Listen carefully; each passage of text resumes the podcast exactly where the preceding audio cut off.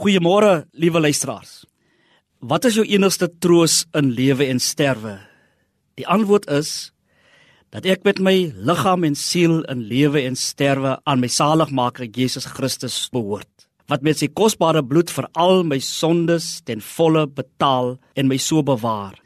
Jeremia 31 vers 31 tot 34 is 'n deel van die boek van vertroosting. Die voorafgaande hoofstuk 30 en hoofstuk 32 begin met die feitelike identiese opskrifte.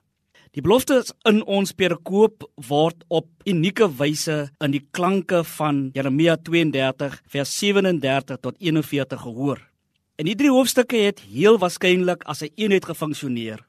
Ons perikoop gaan dus om vertroosting, hoop, herstel en genesing. Die uitdrukking verwys na 'n heilstyd, maar ons moet vra, het die tyd reeds gekom of moet die beloftes nog vervul word en wanneer? Hierdie tyd verwys ook na Israel en Juda se onmiddellike hinkering na bevryding en terugkeer uit ballingskap. Dit beklemtoon die historiese situasie van die volk in ballingskap.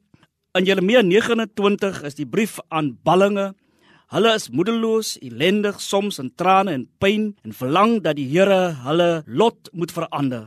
Die belofte van terugkeer en sorg van die Here is reeds in Jeremia 29 vers 10 tot 14 duidelik. Ek weet wat ek vir julle beplan sê die Here. Voorspoed en nie teespoed en ek wil vir julle 'n toekoms gee, 'n verwagting. Jeremia 31 is ook 'n trooswoord aan almal wat in pyn en lyding is en dat die Here hulle sal seën en met hulle lewens beloftes maak. Geloof kyk ook terug na die goeie wat God vir ons gedoen het in Christus Jesus. Die loflied moet in die donker tye ook weer klink.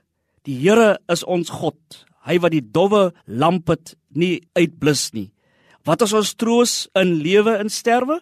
En dit is dat ons aan Jesus Christus behoort, want met sy kosbare bloed het hy ons vrygekoop. Dit is ons anker, ons vaste hoop. Amen.